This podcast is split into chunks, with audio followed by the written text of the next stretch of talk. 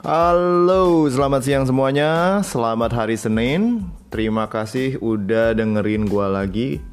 Um, gua dua hari off kemarin karena ini weekend, you know, time for family and juga buat gua sendiri. Di hari Sabtu kemarin gua berhasil mengelilingi Jakarta. Nggak semua sih, cuma dari seluruh penjuru Jakarta, timur, barat, pusat, utara, dan juga barat, selatan. Semua gua lewati dengan jarak 60 km dari dengan sepeda saja.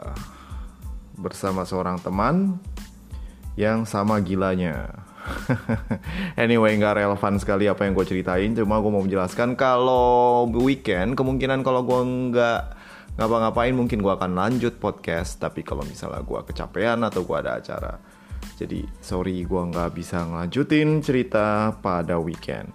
Anyway, um, sekarang gue bakal ngelanjutin um, bahasan kita tentang para dewa. Kali ini kita akan ngebahas tentang dewa paling gesit seantero Olympian.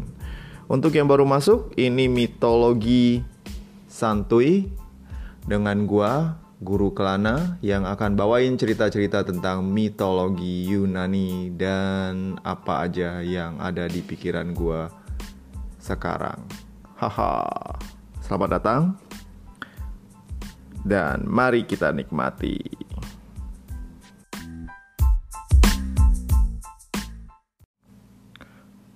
Profesi ojol mungkin merupakan salah satu profesi paling mulia belakangan ini.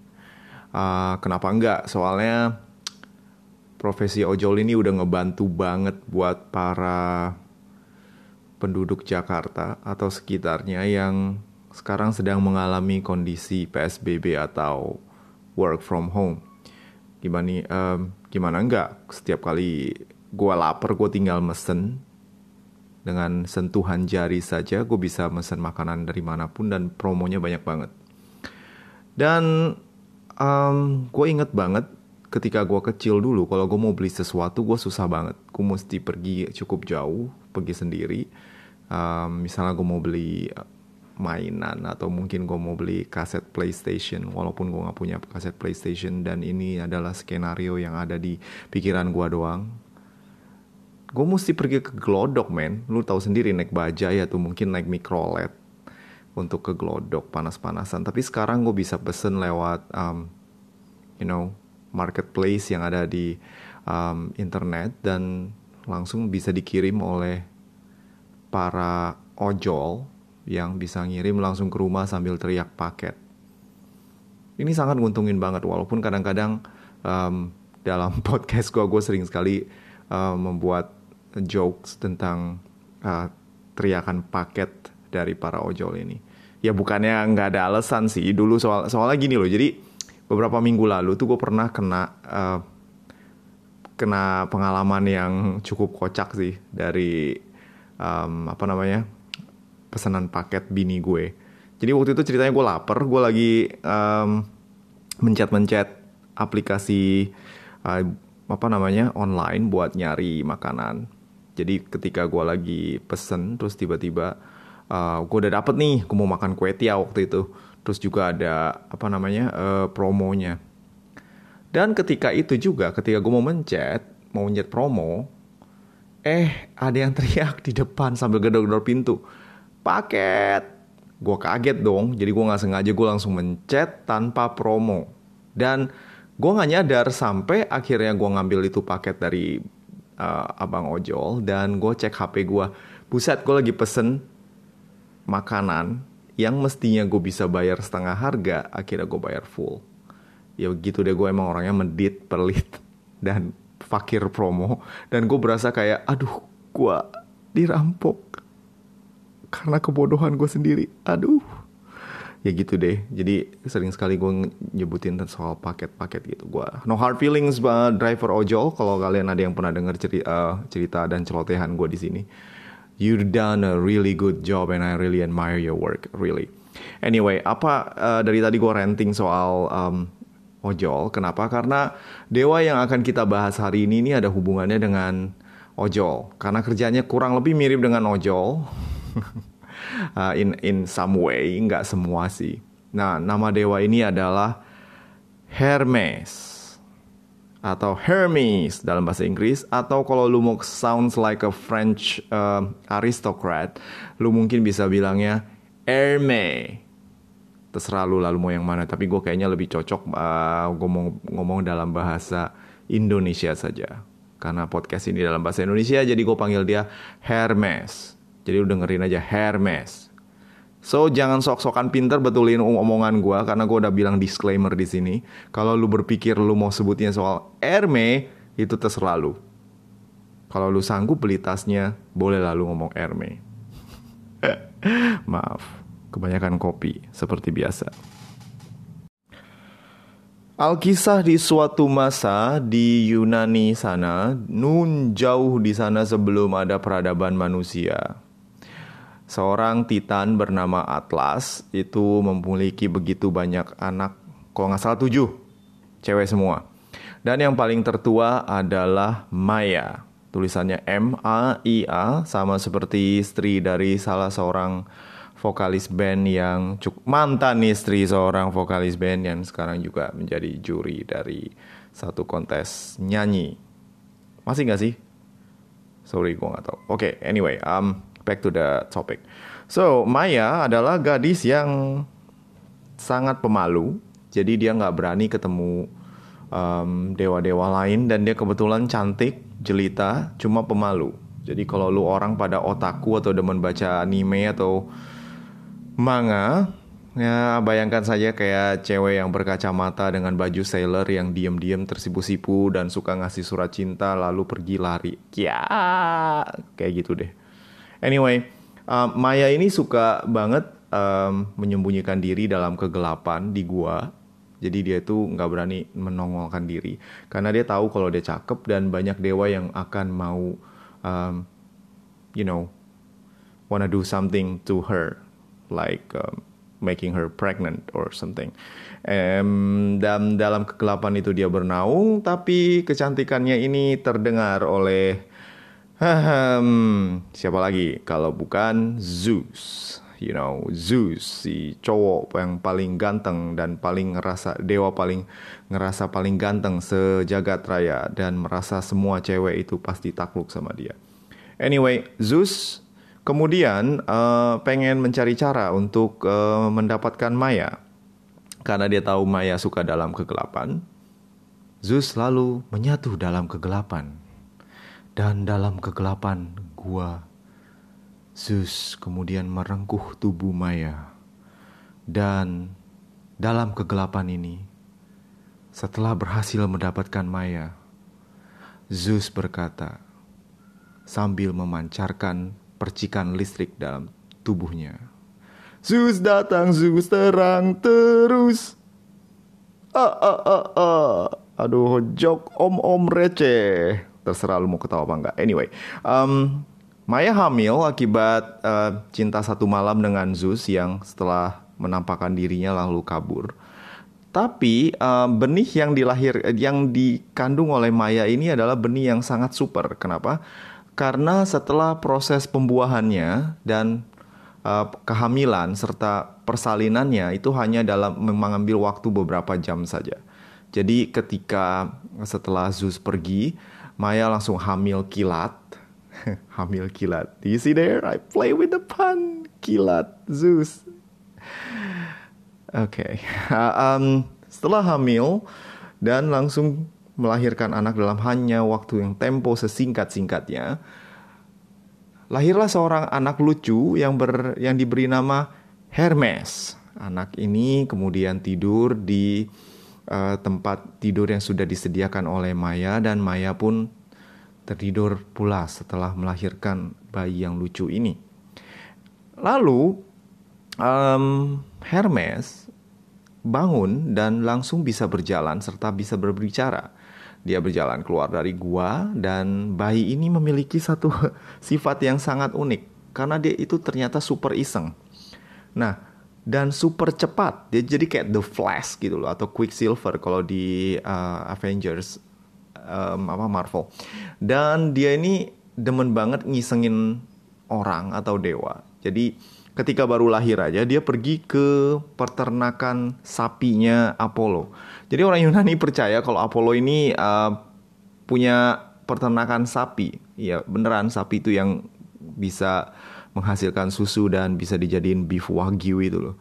Jadi Apollo memiliki banyak sapi dan saking isengnya si Hermes ini, oh Hermes sih, Hermes ini uh, pergi ke peternakannya dan mencuri beberapa sapi diam-diam dibawa kabur.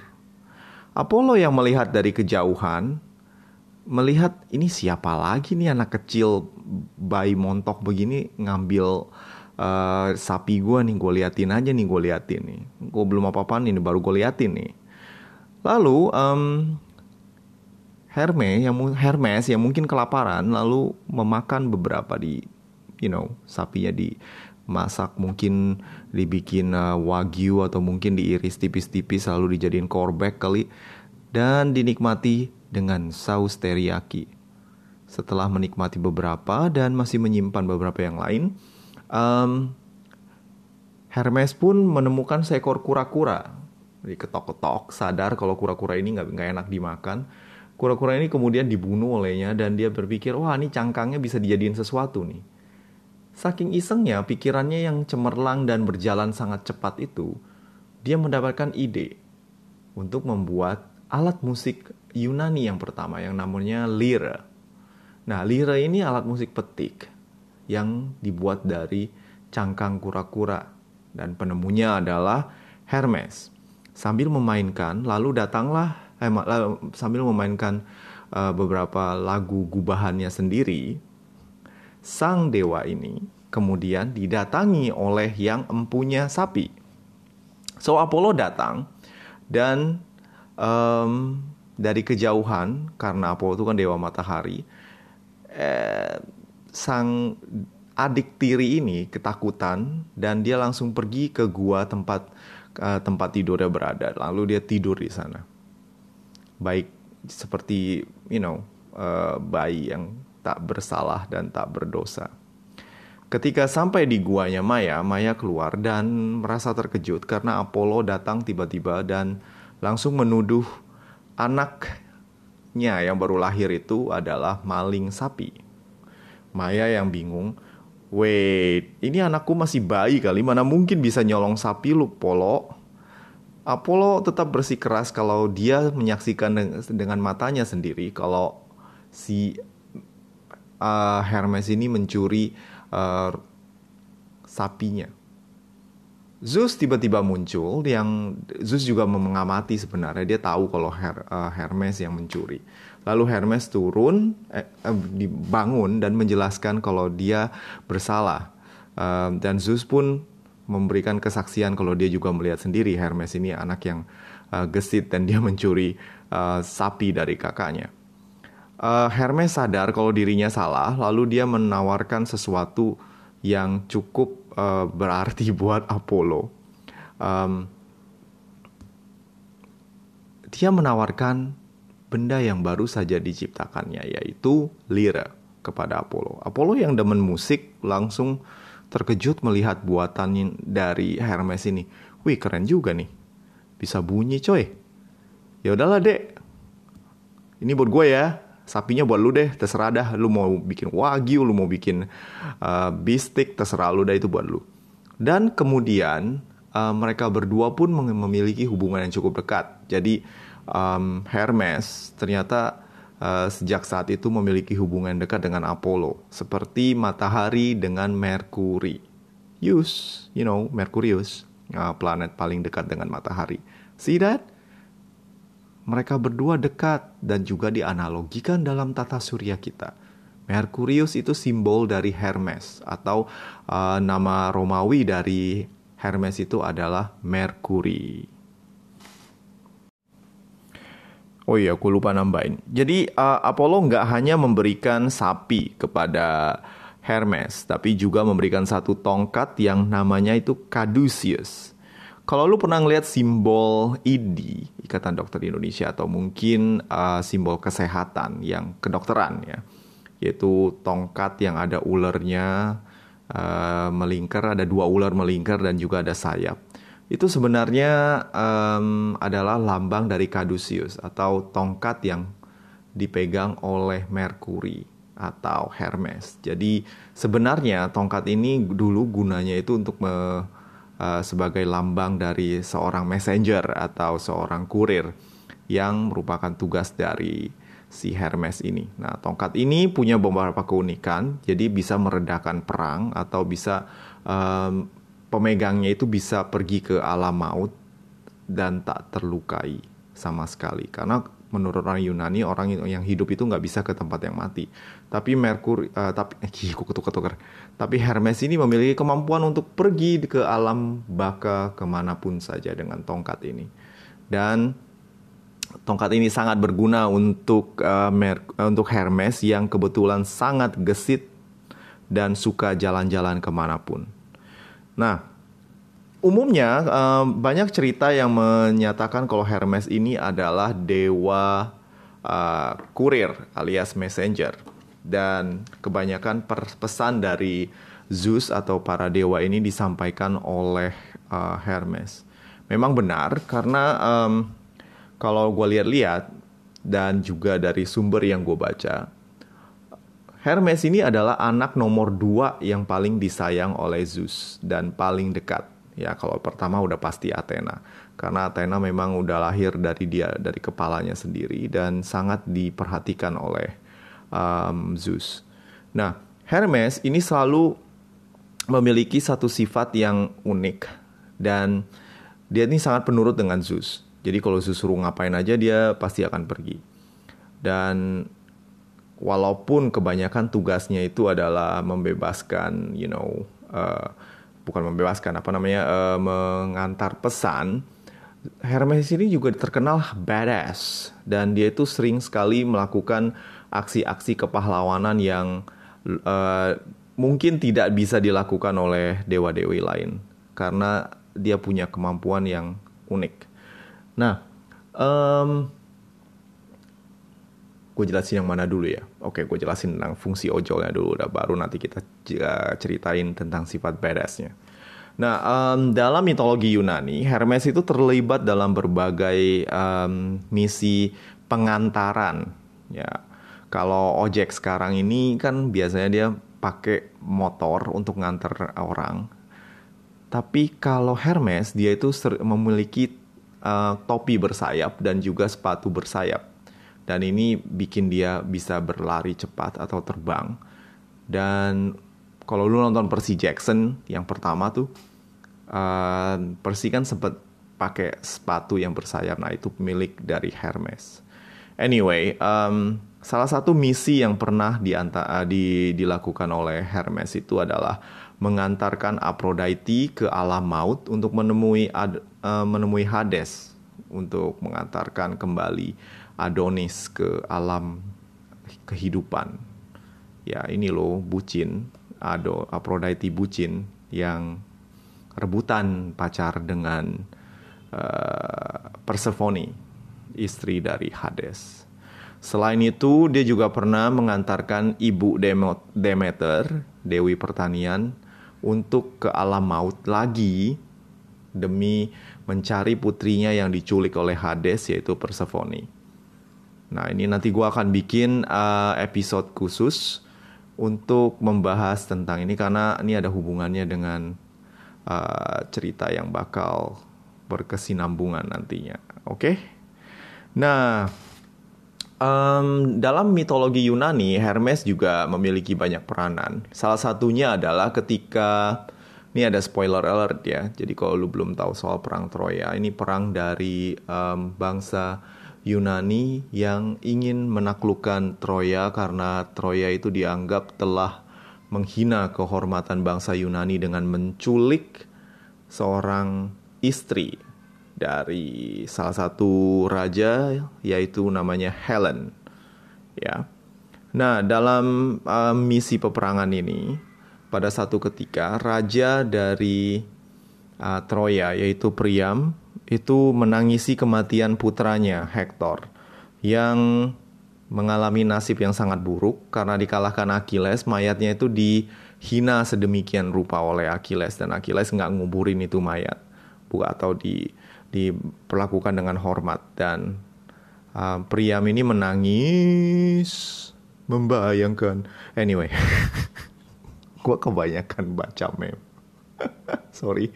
Um, Priam um, meminta um, untuk meminta Achilles untuk mengembalikan mayat Hector. Tapi Achilles itu you know bodoh bodoh gue nggak mau bodoh amat bodoh amat. Dan he's being such a dick that dia nggak mau kembaliin balik mayat dari anak Priam itu. Dan Priam uh, tangisan Priam itu sudah menyentuh hati Zeus. Dan Zeus kemudian meminta uh, Hermes untuk mengantarkan um, Priam pergi ke perkemahan Achilles untuk meminta sendiri kepada Achilles. Dan uh, dalam perjalanan yang berbahaya ini, you know, ngebayangin bapak-bapak tua, raja lagi uh, masuk ke perkemahan musuh untuk mengambil mayat dari anaknya itu sangat berbahaya. Jadi Hermes itu mengantarkan Priam dengan dengan lancar karena dia memiliki kemampuan um, untuk bergerak cepat, menyamar dan juga bisa menidurkan para pasukan ya penjaga yang menjaga perbatasan antara bangsa Troya dengan Yunani. Dan dengan bantuan Hermes, mayat dari Hector berhasil dibawa pulang oleh Priam dengan selamat dan akhirnya Priam bisa menguburkan mayat anaknya itu dengan penuh penghormatan. Begitu. Jadi jangan remehkan Hermes loh, walaupun dia itu sebenarnya kedengarannya kayak ojol walaupun gua sendiri yang actually give the ojol uh, signature to him sorry. Tapi dia keren serius. Nah ini dia beberapa sifat beres dari dia. Dalam peperangan melawan para raksasa um, Hermes ini pernah membantu membebaskan Ares sang dewa perang yang dikurung oleh satu raksasa. Lu bayangin coba dia um, membebaskan dewa perang. Dewa perang yang mestinya itu jago dan brutal itu malah dibebaskan oleh seorang ojol. Selain itu, um, Hermes juga pernah membunuh raksasa peliharaan dari uh, Hera, yaitu Argus Panoples yang memiliki 100 mata. Jadi ini ada cerita unik. Jadi ceritanya begini, um, di suatu masa ada seorang uh, pendeta wanita yang bernama Io. Nah, pendeta wanita ini bekerja di kuil milik Hera di Samos. Nah, Zeus iseng godain ini pendeta wanita dan akhirnya berhasil. Namun Hera yang cemburuan lalu kemudian menghampiri mereka dan Zeus yang sadar Hera mendekat lalu mengubah Io menjadi sapi jadi sapi bro. Ketika jadi sapi dan Hera datang, Hera tuh langsung nanya ke Zeus, ngapain lu di sini ngangon sapi? E, iya, wah bagus tuh sapinya. Sini buat gue ya yang gue uh, gue pengen pelihara. Zeus yang tak ingin ketahuan tapi juga kasihan sama Io. Kalau dia jadi sapi terus nanti disiksa sama Hera atau dipotong disembeli kan kasihan. Lalu diam-diam oke okay lah ya iya deh ambil deh uh, tapi jangan diapa-apain ya namanya juga sapi ini sapi bagus loh jangan di, jangan disembeli dulu ya oke okay? Hera yang sadar bahwa ada sesuatu dengan sapi ini kemudian uh, meletakkannya di pekarangan rumahnya kali gue nggak tahu di mana tapi dia menyuruh seorang raksasa pilih peliharaan dia bernama Argus Panoples itu untuk menjaga. Jadi dia punya 100 mata dan matanya ini jarang ketutupan semua. Jadi dia tuh selalu menjaga dengan baik. Nah, Zeus yang harap-harap cemas, takut Io dia papain, lalu menyuruh Hermes untuk membebaskan Io. Jadi Hermes itu datang ke, ke raksasa ini dan dia kemudian um, berusaha menidurkan Argus dengan cara memainkan musik mungkin canon indie kali. Atau mungkin dia bacain cerita.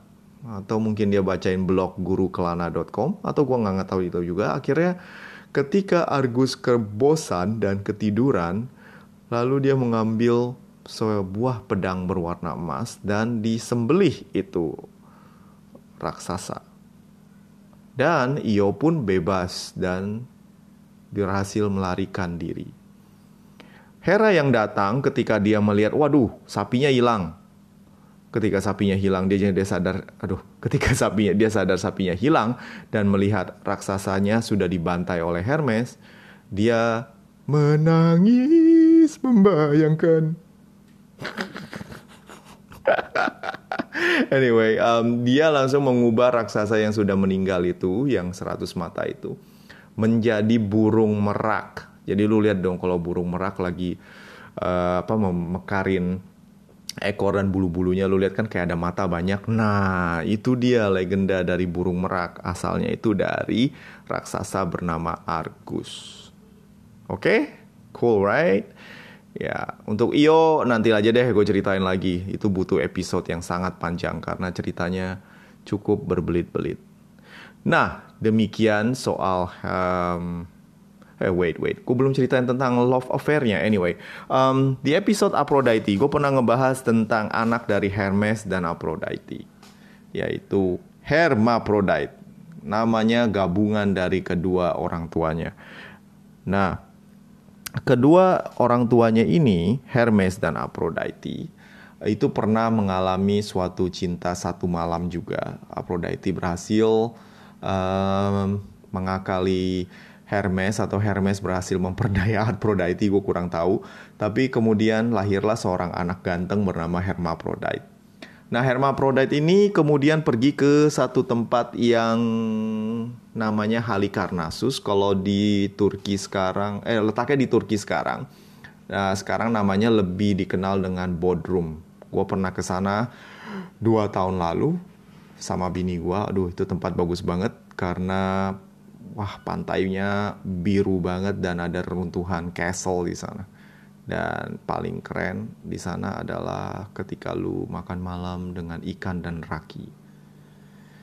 Eh, gue sampai mana tadi? Oh sorry, um, ya uh, anaknya dari um, anak dari Her Hermes dan Aphrodite yaitu Hermaphrodite ini kebetulan mandi di Halikarnassus ada satu kolam di sana jadi ketika mereka dia mandi di sana lalu diintipin oleh seorang uh, peri wanita yang kegenitan yang melihat Hermaphrodite ini pria yang sangat cantik dan uh, menarik hati macam Lee Min Ho lah gitu. Gua nggak tahu aktor um, Korea lain, jadi gue sebutnya Lee Min Ho dulu. Sorry ya, Lee Min Ho. Dan pria pria yang peri yang kegenitan ini kemudian meminta para dewa untuk mengabulkan permintaannya yaitu mereka ingin dia ingin supaya bisa bersama dengan uh, Hermaphrodite selamanya. Tapi yang terwujud itu sungguh lucu. Kenapa? Ketika uh, peri ini mem memeluk uh, tubuh Hermaphrodite yang telanjang, sesaat itulah dewa mengabulkan permintaan dari peri ini dan yang terjadi adalah keduanya menyatu dalam satu tubuh. Jadi Hermaphrodite sekarang memiliki tubuh seorang peri wanita dan tubuh pria yang bercampur dan dia memiliki dua kelamin dalam satu tubuh. Makanya sekarang kalau kita lihat ada binatang yang memiliki dua kelamin dalam satu tubuh, kita sebut dia Hermaphrodite. Sedikit pelajaran biologi untuk para pendengar mitologi santuy. Uh, apa lagi ya? Oh ya, ada satu anak dari Hermes yang namanya Pan. Pan ini adalah dewa yang setengah kambing, kakinya kambing dua, terus badannya manusia. Dan dia suka musik juga, tapi juga konon uh, dia suka ngamuk. Makanya kalau ada akar kata dari kata panik itu adalah kata pen. Jadi kalau dia lagi panik ya begitu berantakan. Wah! Nah itu asalnya dari kata pen. Dewa anak dari Hermes.